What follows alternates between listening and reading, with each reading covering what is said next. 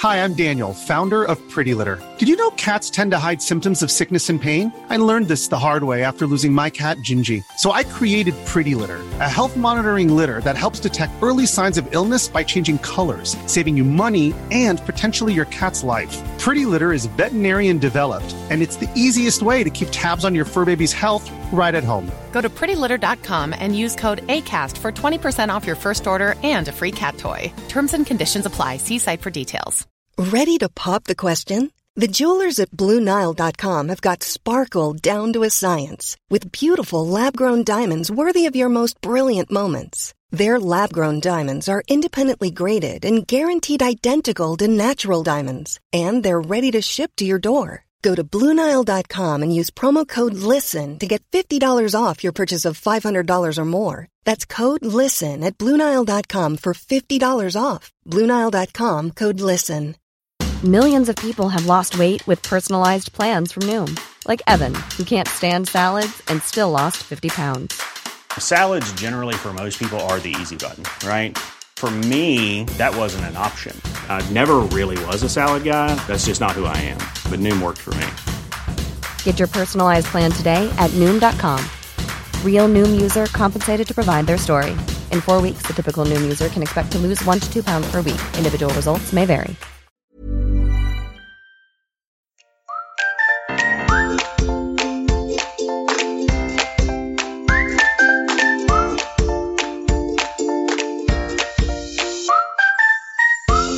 Välkomna till Hundfeelingpodden, en podd om livet med hund.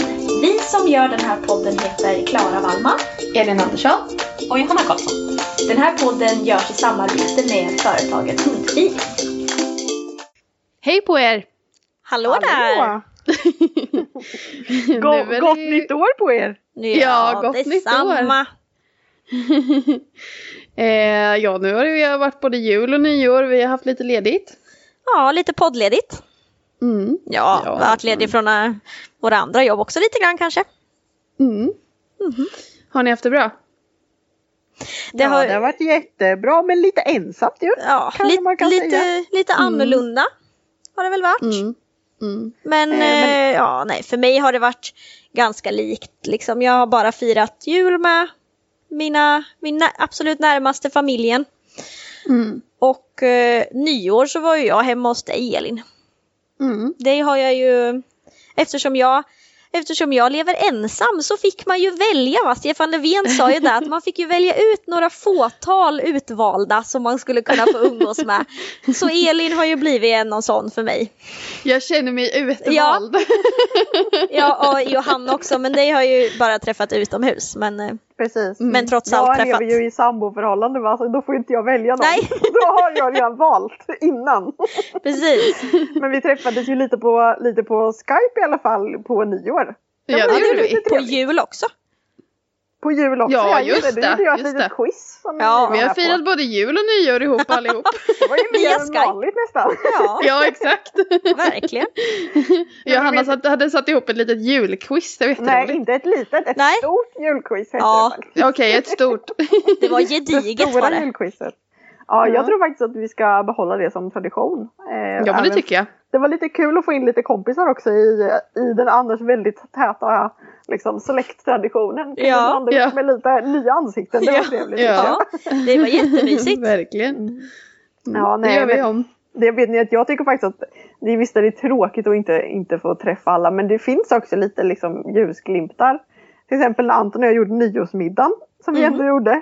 Då hade vi ingen tid att passa. Det var Nej, väldigt skönt. Man kan välja. Perfekt.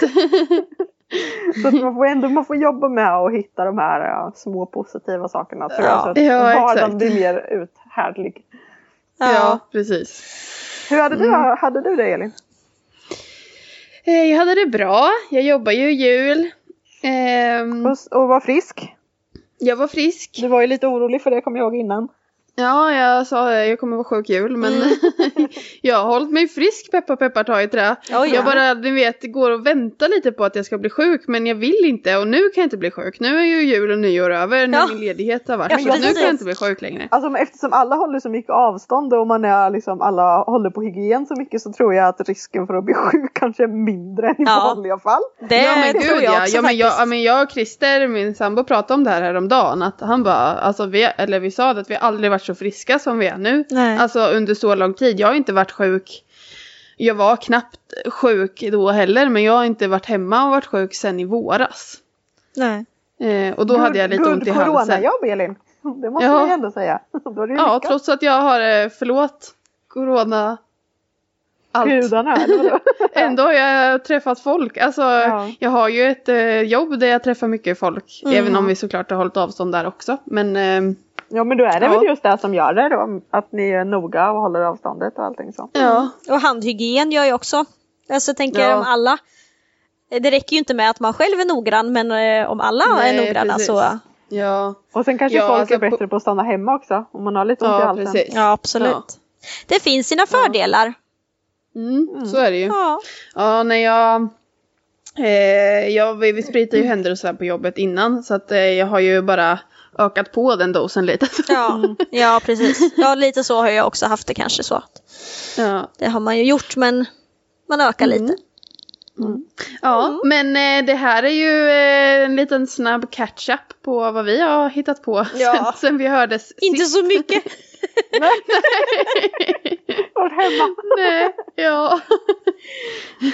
Vi ska ju faktiskt ha en väldigt spännande intervju idag. Ja det ska bli Med- superspännande faktiskt. Elin du kanske väl kan dra en liten kort presentation även om hon sen kommer få presentera sig själv såklart. ja, precis. Det ska hon ju få göra. Eh, ja, men nej, jag, hon, eh, hon jobbar på Kolmården eh, ihop med mig och eh, har en erfaren djurtränare så hon har tränat ganska mycket olika sorters djur och sådär. Så att eh, det ska bli jättespännande så att vi får väl se vad hon har att säga. Och Hon får presentera sig själv lite mer tänker jag. Spännande! Mm, Ja. Det får hon göra. ja. Då rullar vi intervjun. Hej och välkommen Linda! Tack! Tack så jättemycket! Jag tycker det är superkul att vara här. Kul. Härligt, vad roligt det här ska bli. Vi är jätteglada att ha med dig såklart. Ja, verkligen. Jag presenterade ju lite hur vi känner varandra. Eh, men vill du presentera lite vem du är? Absolut. Jag heter Linda Bergen.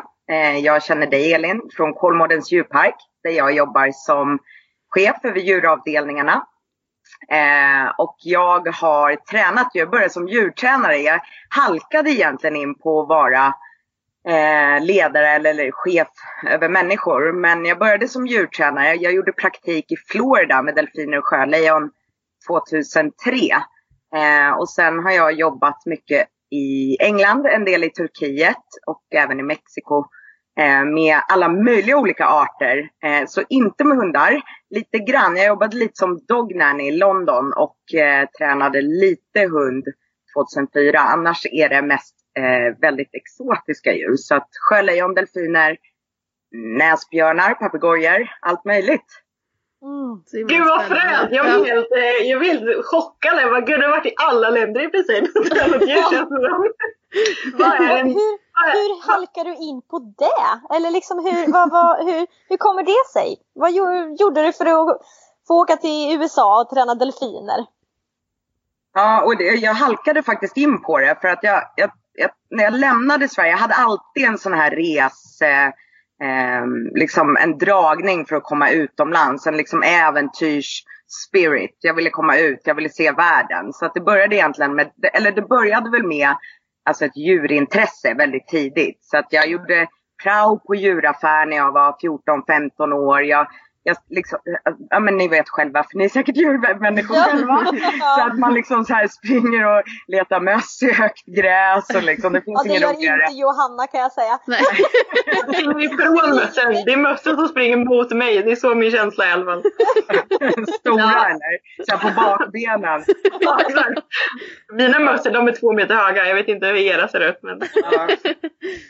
Nej men eh, djurintresse sedan jag var barn och sen eh, eh, praktik eller liksom prao på djuraffär. Men jag trodde nog, eller jag, jag var väldigt skoltrött så jag gick estetisk eh, när jag gick på gymnasiet och jag, jag tänkte nog att man inte kunde jobba med djur utan jag trodde nog att jag sticker ut och reser och sen tänkte inte jag mycket längre utan jag tänkte att ja, men, sen får man väl komma tillbaka och skaffa sig ett riktigt jobb inom, inom sådana där. Men jag visste inte vad det var. Jag hade liksom, utan jag bara så här, okej okay, någon gång ska man så här, grow up.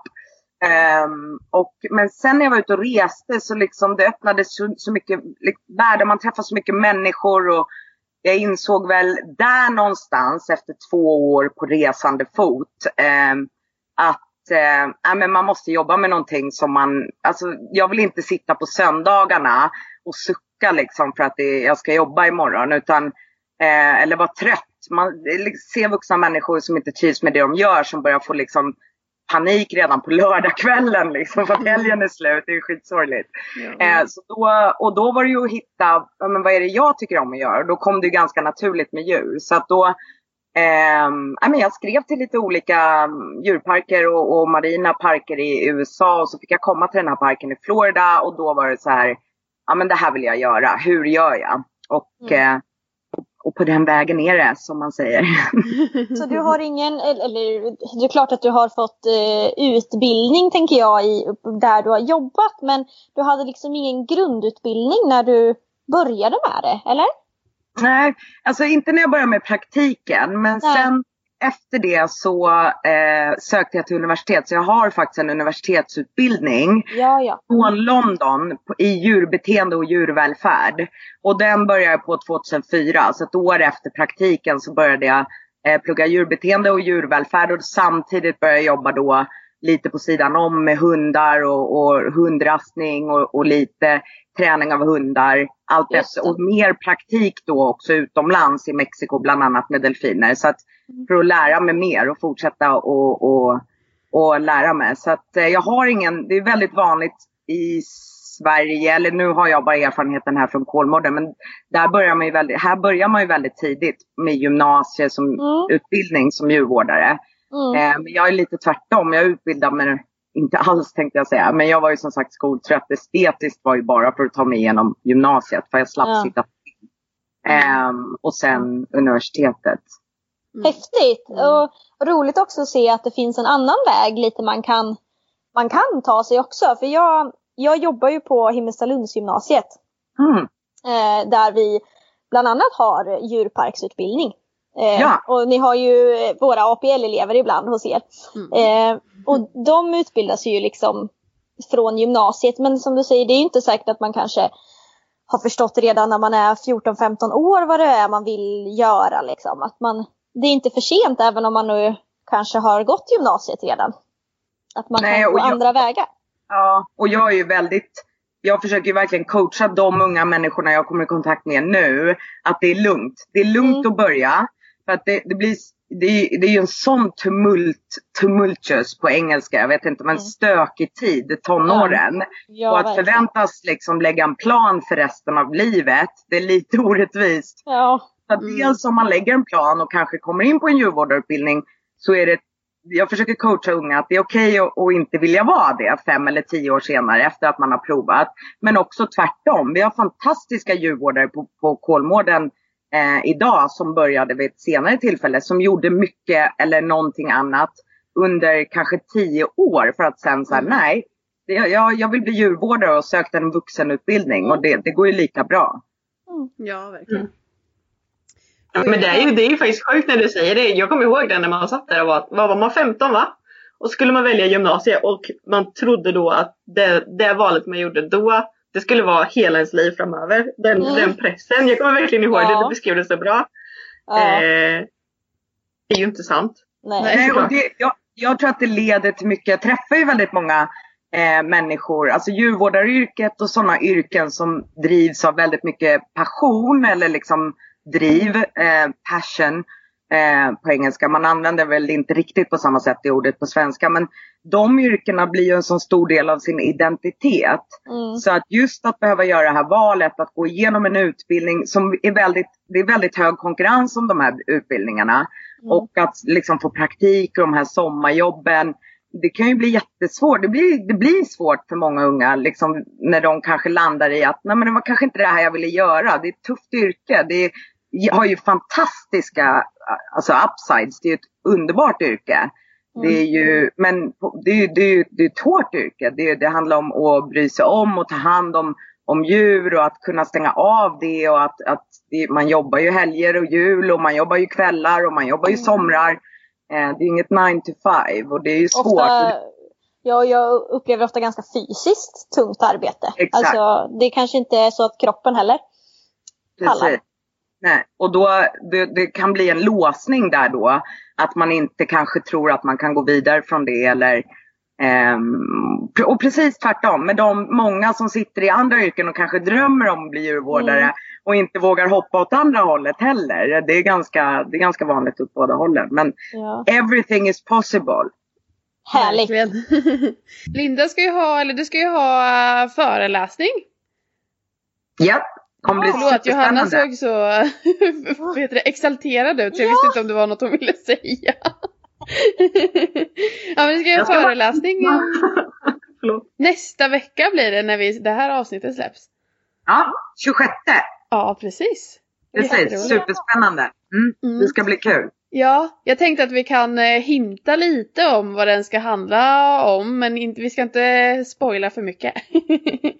Nej, och den ska handla om, eh, jag tänkte dra igenom eh, inlärningsteorin lite grann för att den används ju lite, ja men eh, ibland på fel sätt och det är lite confusion har jag märkt, alltså lite, det blir lite svårförstått.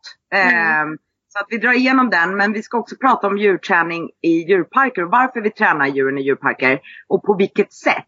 Mm. Eh, positiv förstärkning som vi tränar med hundar. Det, det började ju, klicken kommer ju från Karen Pryor som är en före detta delfintränare. Så att det hela började ju på, på, i USA på 40-talet med positiv förstärkning kan man säga.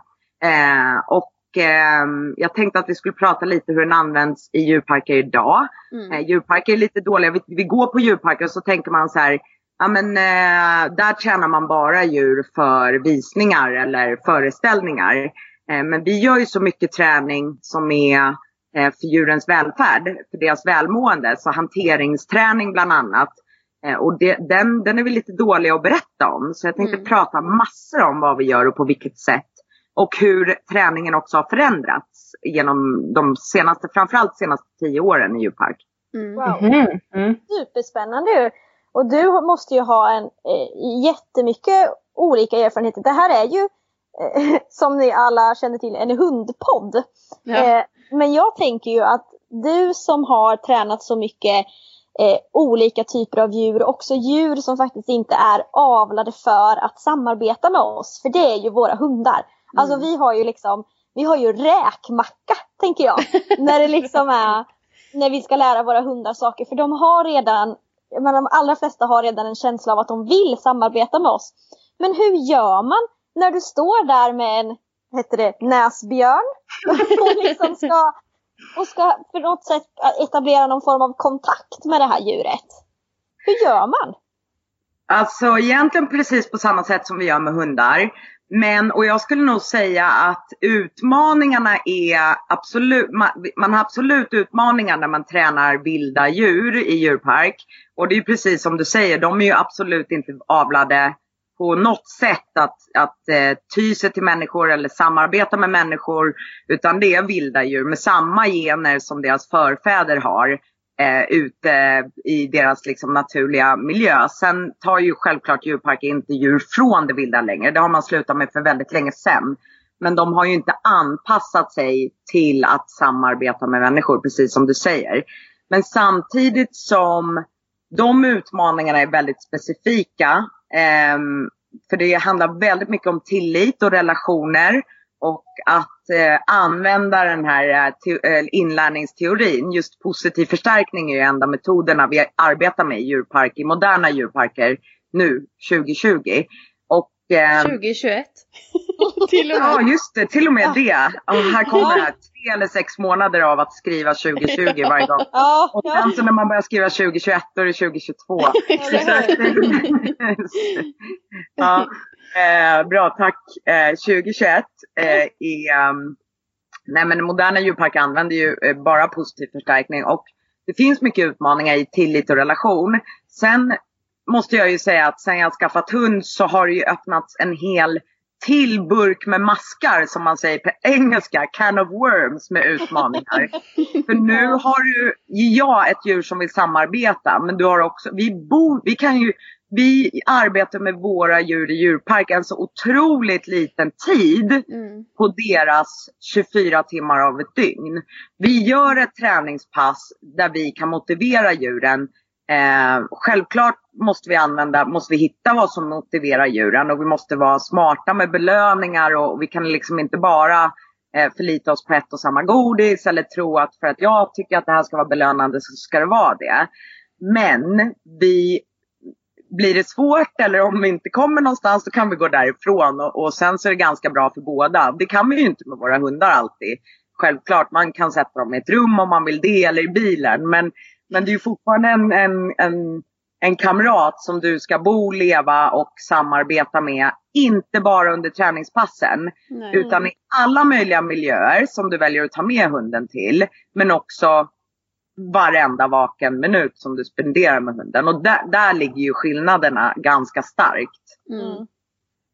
Verkligen. Jag, jag, jag tror vi missade det där. Vi var så inne i liksom din, eh, din jobbsituation och vad du har gjort tidigare. Vi har inte presenterat vad du har för hund. Det är vi jätteintresserade av att höra. Precis. Eh, Jag har en hund eh, kan jag säga nu. Han är, han är bara två år så jag har bara haft en hund i, i två år. Eh, och han är en boxer. Så att eh, en boxer, en hanhund, väger 40 kilo. Eh, och det är min första hund och första boxer. Så att eh, det är Då har du jättespännande. lite utmaningar. Ja men precis och det, jag tänkte lite sådär att när det var min sambo som ville ha en boxer och jag tänkte ja men jag kan tänka mig en boxer. Det är ändå en hund liksom en, en brukshund. Jag tyckte det lät spännande och liksom ja men försökte läsa på vad, vad, vad kan man träna en boxer? Vad tycker de är kul framförallt? Vad tycker de är roligt? Eh, för jag visste ju att jag ville träna hunden. Jag, så, alltså, jag jobbade ju som djurtränare alla de här första åren. Dels på praktikerna, sen efter be, be, utbildningen. Eh, och jag var chef över ett team med djurtränare i England i många år. Men de senaste fyra fem åren så har ju jag gjort mindre och mindre djurträning och mer och mer ledarskap av människor. Så att jag eh, har ju nördat ner mig helt nu på djurträningen hemma istället. Mm. Så eh, det handlar om min hund och det är ju superspännande med en boxer. Och när jag läste om utmaningarna med en boxer, att de, är, de har fokus på allt och alla, de mognar ganska sent. Sen gillar inte jag generalizations eller att dra alla över en kam, men jag Nej. förstår att det finns likheter i, i raserna och, och hur de har avlats.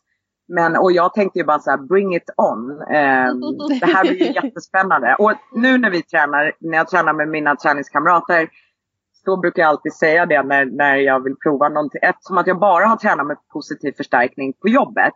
Så när jag ska köra någonting med, med hunden som kanske verkar lite crazy, då kör jag alltid den här. Ja, men vi, vi experimenterar på min hund.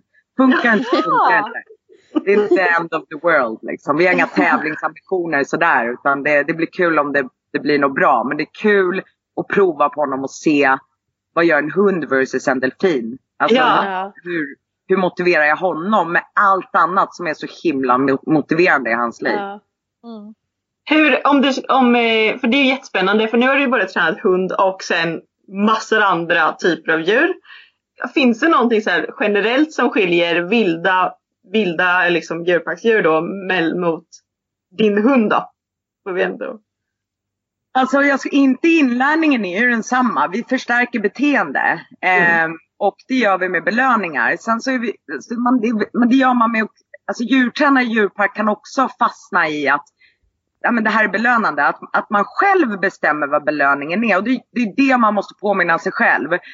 För, upprepas inte beteendet, då har du inte belönat hunden eller djuret. Och det är densamma. Mm. Sen så kan jag ju, jag kan ju stå och, och ställa mig frågan, liksom och dra mig i håret och tänka så här, vad fasiken tycker min, vad, vad är det som förstärker det här beteendet? För det är inte jag. Den kan jag ju ställa mig mer ofta med hunden än vad jag Ja. gjort med exotiska djur. Det har ju någonstans en annan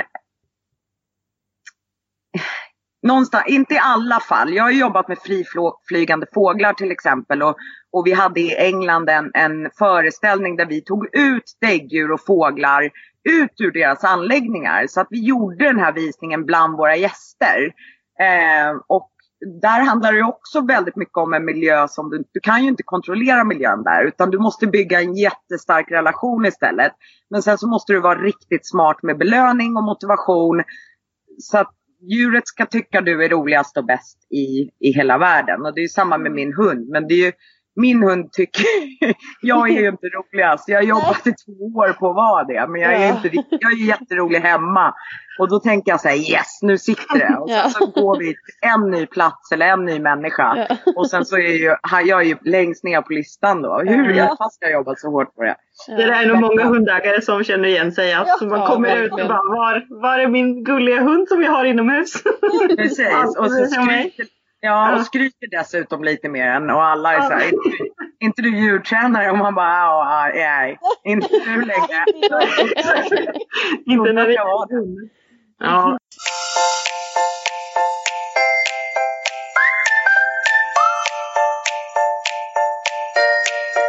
Nej, men gud, det, det är så himla spännande. Men vilka typer av djur har du tränat? Du har tränat fåglar, delfiner, näsbjörn. Ja. Näsbjörn, precis. Eh, hund eh, också. Vad sa du? Och hund. Nyast på listan. Nej, det var ju 2004 också. Just det, förlåt. Precis. Och eh, papegojor, en korp, ett par korpar faktiskt. Mm -hmm. eh, du vet det är så roligt när Linda ser en korp så bara en korp! korpar, jag ska, korpar är ett av mina eh, favoriter. Jag, korpar har någonting som på engelska heter stashing, alltså att de gömmer mat. Jag vet inte vad det heter på svenska när det kommer till just korpfåglar. Men stashing betyder att de tar gärna mat och så gömmer de det för ett senare tillfälle. Eh, och de belönade vi med varierande godis och, och det var eh, liksom mask och, och kött och, och frukt och sånt där. Och korpen var just den här korpen som jag tränade vid det här tillfället den var ju så pass, den brukade ju komma upp och var det roligt, alltså var det ett beteende som i, i dens repertoar enligt den här korpen tyckte var motiverande i sig. Då gjorde korpen beteendet, tog belöningen, svalde och sa jag är redo, jag vill jobba mer. Och, men ibland så tog den belöningen och stashade belöningen. Så en typ mm. tack, tack för att jag gjorde rätt. Så stashade belöningen. Så den hade en stash och det, det var så här, ja men den här vill jag spara till sen. Men ifall man fastnade då och var tråkig som tränare, det, djuren är era bästa lärare och det här var ju ja. otroligt lärorikt. Så blev jag tråkig som tränare, då kollade korpen på mig och sen så typ gärna lite med huvudet på sned och sen stack den iväg och belönade sig själv med sin stash. ja. Och sen kom den tillbaka och bara next. Spara till sämre tider. Precis. Spara till typ så här, du vet du, du kontrollerar inte belöningarna. Utan jag, jag bara, ja men jag gör, inte, jag gör inte beteendet men jag hämtar mina belöningar så du fattar att vi är redo att köra nästa. Fantastiska djur. Så jag blir precis sådär som Elin säger. Jag älskar att de lever fritt här och att vi ser dem. Jag ser dem över mitt hus och när jag hör dem, jag känner igen dem, de, de hörs ju från långa avstånd och när jag hör dem så, så blir jag alldeles sådär, ah korp! Vad roligt, det ska jag tänka på nästa gång. Ja, men jag har hört att korpar är väldigt, väldigt smarta ju. Alltså så. Mm. De, det. de har gjort mycket tester. De har ju sådana eh, bevisat att de känner igen sig själv i speglar och sådär. Så.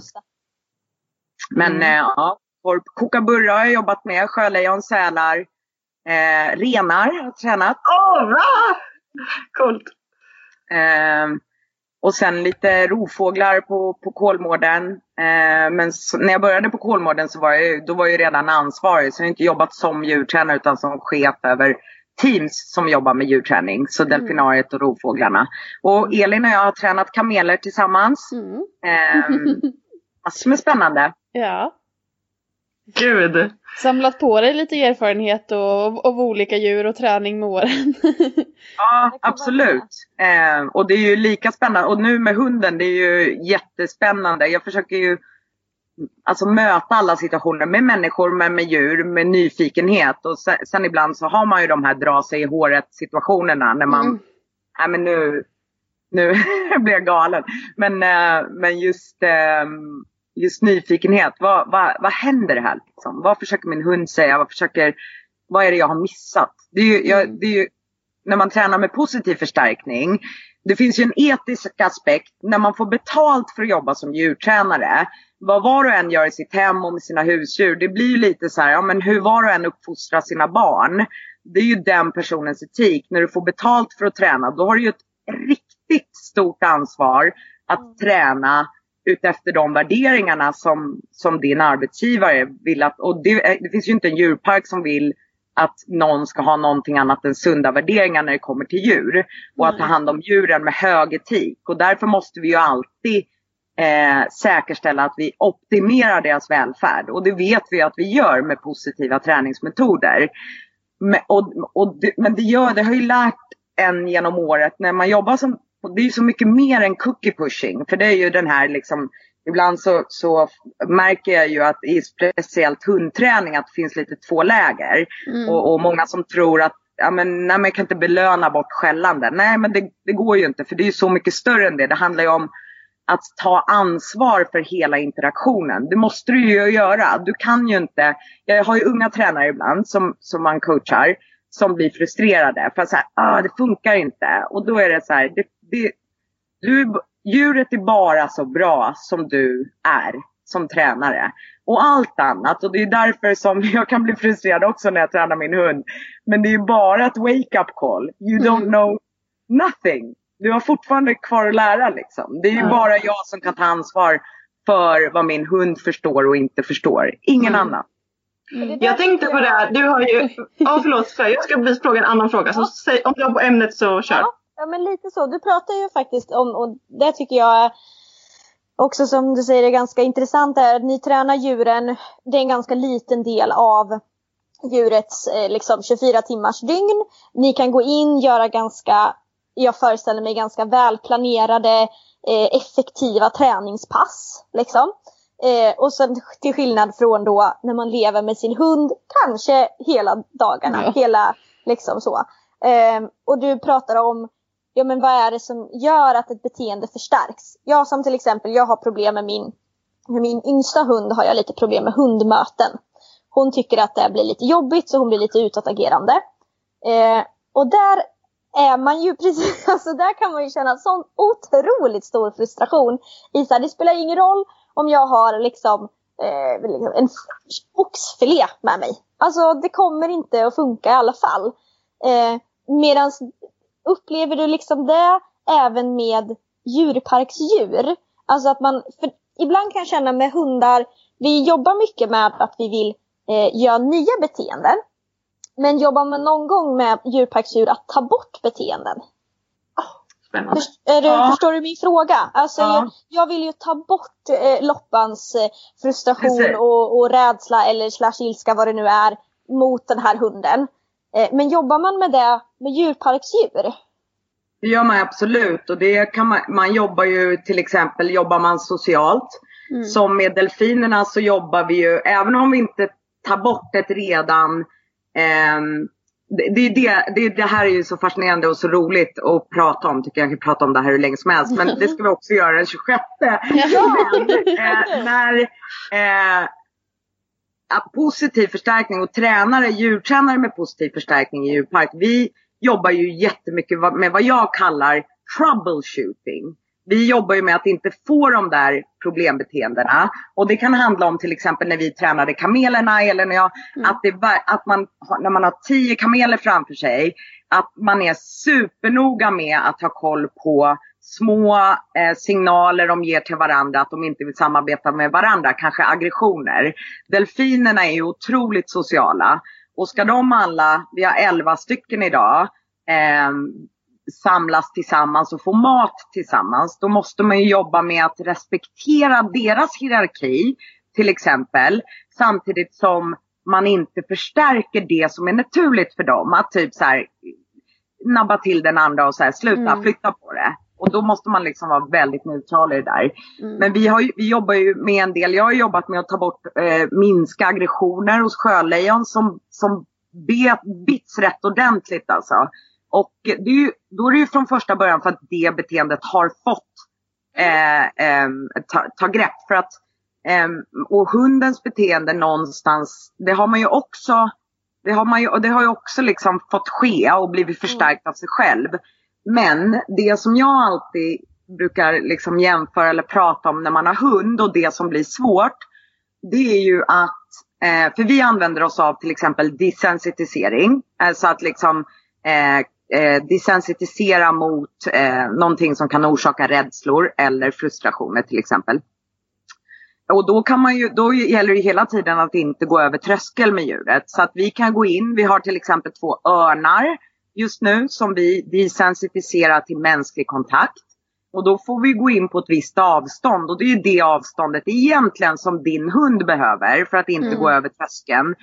För då tar den inte mat. Och det är samma med våra djur. Går vi över tröskeln, då får vi ingen kontakt med dem. Mm. Problemet med, med våra så kan vi oftast kontrollera det lättare än vad du kan med din hund. Och det som jag alltid försökte säga till mig själv och, och, och till min sambo när vi hade valpen och fortfarande idag. Det är att vi, vi måste försöka att inte kombinera två mål. Om jag vill ta en promenad eller om jag ska gå från A till B. Då, ju, då blir det viktigt för mig. Och det är dumt att träna hunden samtidigt. Problemet är, det är väldigt svårt att inte ha de här två. Du kan liksom inte leva i samhället Nej. utan att ha med din hund på saker som du måste få uträttade. Och då går du över de här trösklarna. Så det jag alltid brukar liksom bestämma mig för, sen eh, det, liksom om det funkar eller inte, men alltså, för man glömmer ju ibland menar jag, men det jag brukar bestämma mig för att här kan jag inte kontrollera miljön, här är vi inte på träningspass. Då skiter jag i att försöka kontrollera beteendet. Och sen så försöker vi kliva ut träningspass och då håller jag mig liksom under tröskeln och liksom försöker eh, jobba på det här beteendet. Ehm, och, eh, men, men, men, men har jag ett annat mål, jag ska någonstans, då struntar jag i att träna. Eh, men det är, ju, det är ju precis det där med att ha hund som gör att det blir sådana utmaningar. Men det går absolut, men det krävs ju ett helt ehm, det krävs ju mer än vad, än vad många associerar med positiv förstärkning och belöningsträning. Vilket är Mm. Alltså, ja, men, ja, godis. Ge godis för rätt beteenden. Mm. Eh, så det, och Det är, det, lite, det är ju betydligt mer komplext än så. Liksom. precis, Mm. precis. Det handlar känns om- som, när ni, när ni beskriver nu så låter det som ni, man har en annan kontroll i djurparken. Man kan Mm. liksom kontrollera miljön på ett helt annat sätt än vad man kan i ett samhälle där man bara är en liten individ av många. Ja, precis. Men det, det jag tänkte fråga innan, det var, för du, du nämnde ju att du började eh, träna djur redan 2002. Eh, och jag 2003. tänkte, 2003, och eh, förlåt. Eh, och jag 2021. tänkte, nu 2021, det stämmer. År. Årspolisen här. Ja, det är bra. Det är bra. Eh, jag tänkte bara, hur har djurträning utvecklats eh, sen du började träna och hur i så fall? Inte i djurparker skulle jag säga. Jag har alltid fått lära mig med positiv förstärkning och jag har eh, Sen finns det bra djurparker och det finns sämre djurparker. Det finns moderna ställen och det finns mindre moderna ställen, helt klart. Eh, det, det som har utvecklats i samhället, det är att det fanns knappt en antydan om klickerträning och positiv förstärkning. Jag vet att det fanns, de började redan på, på 90-talet med klicker, men det var väldigt små nischade liksom, grupper. Men det har ju fått en, en samhällsspridning som är nästan total eh, nu skulle jag säga. Och jag, nu, det roliga är ju att se att det här kommer med hästar också mer och mer. Ja, Så det har just man ju sett. positiv förstärkning. Jag kollade på, superkul, jag kollade på den här uh, dokumentären om Peder Fredriksson, skulle försöka bli världsetta i hästhoppning. Och det Mm. slutade med ett litet, litet avsnitt. Det såg ut som han, jag förstod det som att han var på lite av en break. Och att han hade börjat klickerträna en av Jaha. hästarna. Och han sa i slutet av dokumentären att det hade öppnat en helt annan värld för honom. För nu han tittar ju på hästbeteende på ett helt Mm. annat sätt om jag Mm. förstod det rätt. Och jag har varit så excited. Jag bara yes! Ja. Eh, men, och det, för det är ju en sån, eh, eh, alltså vår hantering av hästar är ju fortfarande väldigt traditionell och, Ja. och traditionella metoder är ju sällan belöningsbaserade. Mm. Ehm, och sen funkar det ju absolut, men allt eftersom att vi får, vi, vi lär oss ju mer, vi lär oss om djur eh, hela tiden och, och vi har en helt annan etik idag än vad vi hade för 20 år sedan. Mm. Och då måste, vi, då måste våra metoder reflektera det. Ehm, så att det jag skulle säga att det ändrats i samhället, absolut. Mm. Men du, egentligen var djurparker först då? Du sa ju det va, med att hon började med klicker vid 40-talet redan. Ja precis, så att eh, delfinträningen var först. För, och det var ju för att man inte man hade ju liksom, man- när man skulle börja träna delfiner så tittade man ju på hur djur tränades och då tog man sig till hund och framförallt häst och cirkus.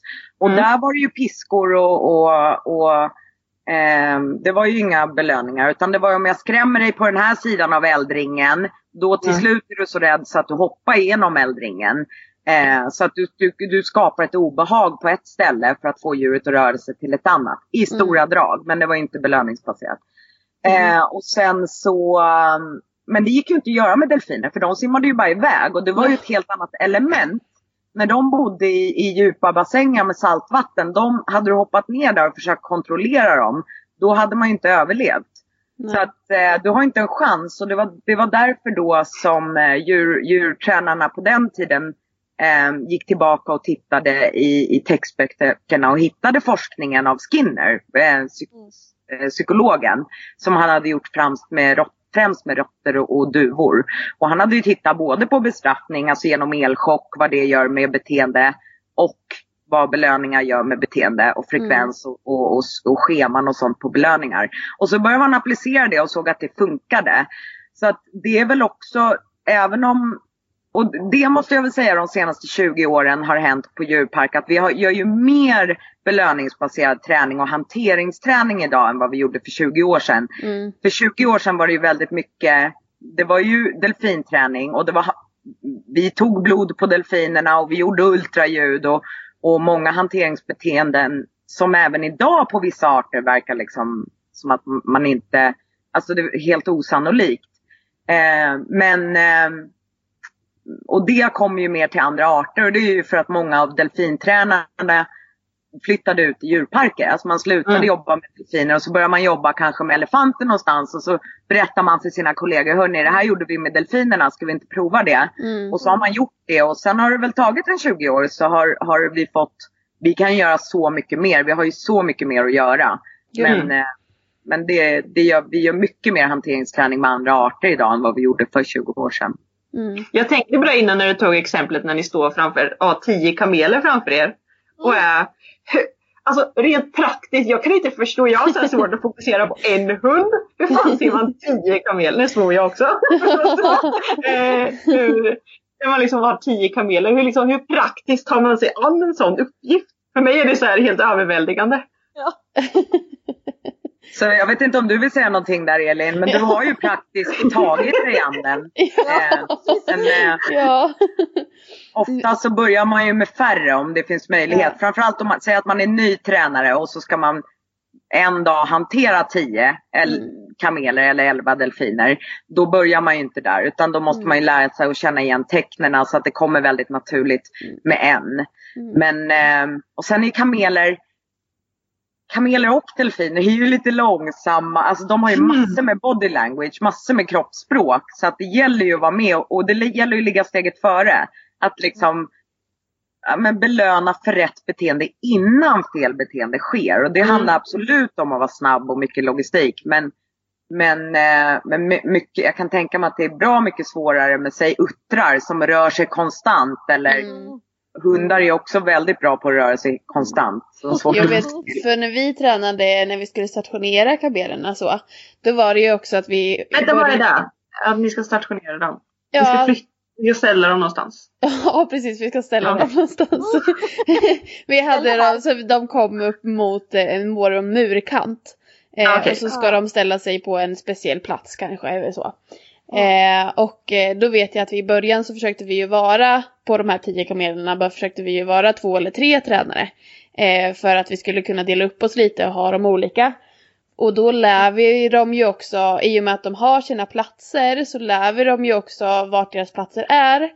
Och sen vartefter kan man bli färre tränare tills man är en. Och då är det ju mycket lättare för kamelerna vet redan Också lite vad ja men Mm. precis. Eh, det är en utmaning och många gånger får man liksom så här backa lite, pausa för de blir väldigt exalterade. och springer lite överallt och då, men oftast, eh, nu är det ganska länge sedan vi gjorde det, men när vi tränade det aktivt så eh, fick man ibland bara pausa lite och låta dem reda ut sin lilla röra Mm. och sen så ställde de sig ändå där de liksom ska vara. Eh, så det är inte alltid bara att man ska skynda och göra för att det ska gå fort utan lite så eh, vänta ut dem lite också. Jag tänker på det också när, för oftast nu när man tränar, vi kommer ändå, jag kommer från hundvärlden ju. Jag har ju aldrig tränat något djurparksdjur. Ehm, men det jag tänker är, när jag tränar, det har jag ju märkt nu sen jag skaffade två hundar att jag skapar ju en slags konkurrens mellan dem när jag tränar den andra. För den andra vill ju jättegärna vara med och träna. Hur är det i sådana situationer när ni i djurparken tränar eh, flera djur samtidigt? Hur hanterar Mm. man sådana svårigheter? Där skulle jag säga att våra hundar är väldigt förlåtande. För där hade vi i många fall haft aggressioner mellan djur. Så vi tränar eh, även djur som man anser, nej men det här är lugna djur. Det skapar en frustration. Och jag tror att med hundarna så Eh, de är väldigt förlåtande i de situationerna. Om man inte har en, en, liksom, en hund som är väldigt så resource guarding. Eh, jag vet inte vad det heter på svenska. Men Resursförsvar. Ja, precis. Eller, eller liksom låg tröskel för frustration. Och sen tror jag också att ibland att vi läser hundars frustrationssignaler. Kanske, alltså att vi inte alltid läser av dem. Att det kan se ut som lek när de hoppar Mm. upp och sådär. Men, eh, men eh, vi kan ju oftast binda fast dem eller liksom sätta en grind emellan. Och, och ser man på vilda djur så är det ju, de accepterar ju inte att man gör det. Ehm, att man matar en annan, väldigt sällan. Så att med våra delfiner så har vi ju strikta liksom, kriterier och rutiner för att dels respektera hierarkin. Vi går inte emot deras hierarki utan vi respekterar det. Ehm, vi respekterar den men också att alla får mat samtidigt. Så att eh, gör vi ett träningspass, vi kan grinda emellan och, och liksom ha några delfiner i en bassäng och träna i en annan bassäng. Men då byter vi också över. Och, och det är ju det är ju samma med, med kamelerna. När vi tränade dem så antingen tar vi bort ett djur så att det är liksom, vi slussar ett djur till, en annan, till ett annat område. Vi kanske tar ut en fågel ur eh, den gruppen den sitter. Men vi går aldrig in i en anläggning där det finns fler av än en av en art. Så det gäller ju sociala arter och tränar bara en. Det är, det ja, alltså i, i, i värsta fall så leder det till att man blir biten. Men i, i, i många fall så är det ju, det är ju, det är ju inte sund djurvälfärd. Nej. Jag tänker på det här exemplet som vi hade innan med kamelerna där. Eh, och då är det en, säger vi att en kamel stationerar sig rätt. Då belönar ni ju den då, då såklart. Mm. Då blir kamelen bredvid sur. Varför får den godis och inte jag? Eller hur funkar det? Förstår ni vad jag är ute efter? Mm. Alltså när vi eh, så ofta så kanske de flyttar sig till en fel eh, plats då. Som vi, för vi har ju någonstans eh, bestämt en plats de ska ha och belönar dem bara vid den platsen. Och egentligen så, det är ju, vi belönar dem inte när de flyttar på sig helt enkelt. Ofta så upplever jag med kamelerna i alla fall att de inte visar, ja, lite aggression mot varandra är det ju, men mycket är ju att de försöker ändå hitta vad är det som lönar sig. Eh, Så har det lönat sig att vara på en plats så brukar de försöka hitta tillbaka dit vartefter. Ja. Just det. Och där måste det också handla om att man har så bra belöning att de hellre försöker göra rätt än gå på sin kompis då eller, kanske. Eller? Ja, så är det ju. Men och sen absolut att man ser aggressioner mellan varandra men, eh, men eh, det brukar inte störa den som, den som eh, står rätt utan den brukar Nej, försöka stå kvar ändå tills den andra flyttar på sig. Ja, det är superspännande. Jag bara insuper allt hur mycket jag kan här. Ja men gud ja. ja det enda, jag har ju gjort ett litet försök att träna en av mina katter. Och på, ja, vad är hon? 12 år kanske. Så kan hon tass, hon kan vinka, Ja, det är hon kan bra. sitta och hon kan snurra. Ja. På 12 år! Alltså, det känns liksom så. Nu ska jag inte säga att jag har gjort på något sätt jättemycket träning. Men hur lång tid tar det att liksom lära ett djur eh, från att ni kommer in till ett djur som inte har varit tränat till att ni faktiskt kan utföra vissa saker som ta blodprov eller så. Jag förstår att det är väldigt individuellt men ungefär, finns det någon, något generellt sätt? Jag förstår att det inte tar tio år som, som för mig med min katt men Ja, jag brukar alltid säga att det är helt beroende på tränaren och tränarens kompetens och erfarenhet ihop med djuret och den individen ihop med vilket beteende du tränar. Så att en, en, en, ett, djur som är erfaren, ett djur som är erfaret, antingen väldigt ungt och väldigt oerfaret men riktigt erfaren och duktig och eh, kompetent tränare med mycket erfarenhet och bra timing och eh, som har gjort beteendet, tränat beteendet väldigt många gånger förut. Då kan ett blod gå väldigt snabbt. Det går att träna på ett blodprov är det då vi pratar om. Jag, det är så lätt att man säger ett blod. Vad betyder det? Eh, blodprovet och då pratar vi alltså ett frivilligt blodprov så att man, vi har djur som samarbetar i att man kan sätta in en nål och så får man dra ett blodprov och så får de belöning för det. De står helt stilla. Så att det kan ju ta allt från en månad och sen är ju tiden man lägger på det också. Så allt från en månad till två år. Helt Mm. beroende på de här faktorerna. Ehm, sen har vi ju djur som går upp på vågar och det kan ju liksom, jag tror elefantkalven som vi har nu, jag tror att eh, de lockade upp honom på en våg ganska snabbt eh, när han var ung. Det är nyfikna djur och det är där arten spelar så stor roll också Mm. om de har in, eh, alltså komplex lärning. Delfinerna lär sig av varandra. Så de kan en kalv kan ju titta på sin mamma och lära sig mycket de första åren. Eh, även om de inte lär sig hela beteenden så får de väldigt mycket erfarenhet av att vara med gruppen. Så att, jätteindividuellt. Föreläsningen var den 26. Är den digital eller är den i ja, den är digital. digital? Var Ja. anmäler man sig? Via Hundfeelings hemsida Mm. eh, finns det hund-feeling.se så finns det ett anmälningsformulär eh, och vi kommer ha det via, eh, nu kommer jag inte ihåg vilken, lär, vilken plattform vi valde. Skype. Skype, Skype blev det till slut. Mm. Eh, och så att man kommer kunna få möjlighet att lyssna på Lindas fantastiska erfarenheter och också ställa frågor. Vad heter föreläsningen? Eh, den heter ehm, Djurträning i djurpark. Djurträning i Ja. djurpark. Ja. Så anmälan på hund-feeling.se hitta föreläsningen som heter Hundträning. Vad sa djur, djurträning i djurpark. Djurträning i djurpark. Hundträning i djurpark. Det kanske skulle vara något. ja. Det hade varit något spännande. ja. Anmälan är där. Det blir jättebra. Vilken tid är den? Eh, 18.30 kör vi va? 18.30 ja. Ja, precis. Den 26. Spännande. Och jag tror att det var, visst var det ett maxantal ni hade också? Mm, jag tror att det är max eh, 50 personer om jag minns rätt. Skynda sig in och anmäla sig. Ja, exakt. Mm. Gud vad spännande. De har fått ett litet, eller ett väldigt långt för, eller smakprov idag. Men Ja. det finns verkligen. massor mer.